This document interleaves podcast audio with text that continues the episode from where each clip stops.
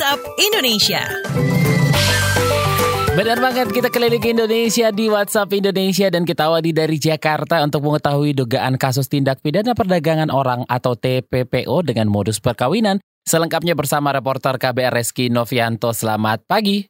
Selamat pagi. Sebanyak 29 WNI perempuan yang berasal dari Provinsi Kalimantan Barat sebanyak 13 orang dan Jawa Barat sebanyak 16 orang diduga menjadi korban tindak pidana perdagangan orang atau TPPO bermoduskan pengantin pesanan pria kaya di Tiongkok menurut data Serikat Buruh Migran Indonesia atau SBMI. Data tersebut diperoleh berdasarkan pengaduan korban sepanjang tahun 2016 hingga 2019. Sekjen SBMI, Bobby Anwar Ma'arif menyebut pengantin pesanan merupakan modus perdagangan orang yang terencana, yakni para korban dijanjikan akan menikah dengan orang kaya asal Tiongkok dan iming-iming jaminan kehidupan dan keluarganya. Namun, sesampainya di sana, para korban malah dieksploitasi. Kata Bobby, Para korban tergiur dan berhasil dikelabui oleh para pelaku yang menjadi agen atau perantara. Bobby mengatakan, sejauh ini baru tiga korban yang berhasil dipulangkan ke Indonesia. Sementara itu, masih ada 26 korban lain di Tiongkok, di mana rata-rata para korban berada di Provinsi Hainan dan Beijing. Menurut Bobby, saat ini semestinya dengan adanya undang-undang desa, pemerintah bisa bergerak cepat menyejahterakan masyarakat di desa. Kata dia, kesejahteraan ekonomi di desa setidaknya dapat mengantisipasi para korban TPPO dari jeratan pelaku dengan modus-modus terstruktur. Saya Reski Novianto melaporkan.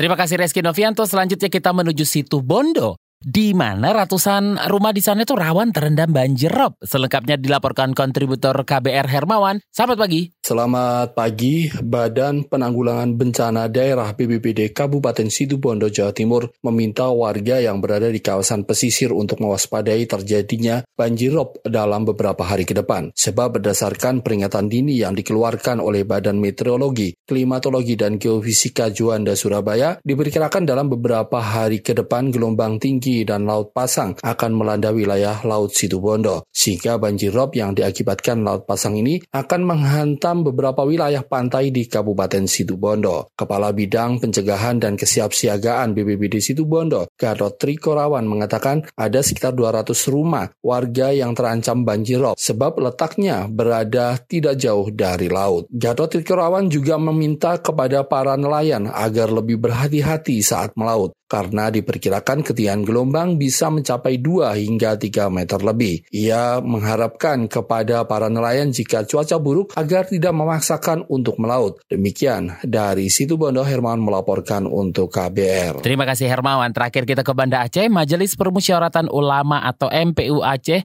mensosialisasikan fatwa terkait PUBG atau PUBG Nah lo ya ini yang suka main PUBG nih.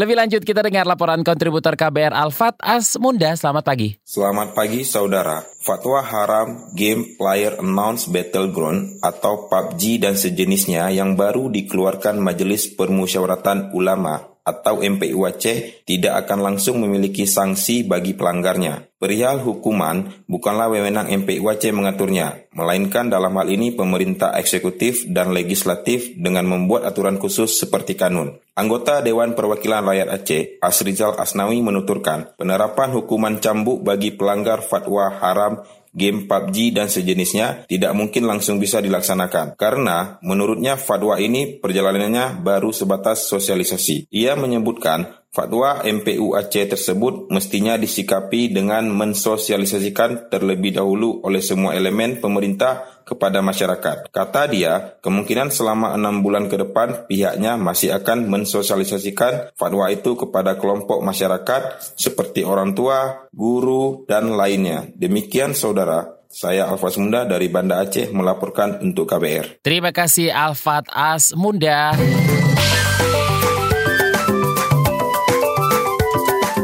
WhatsApp Indonesia.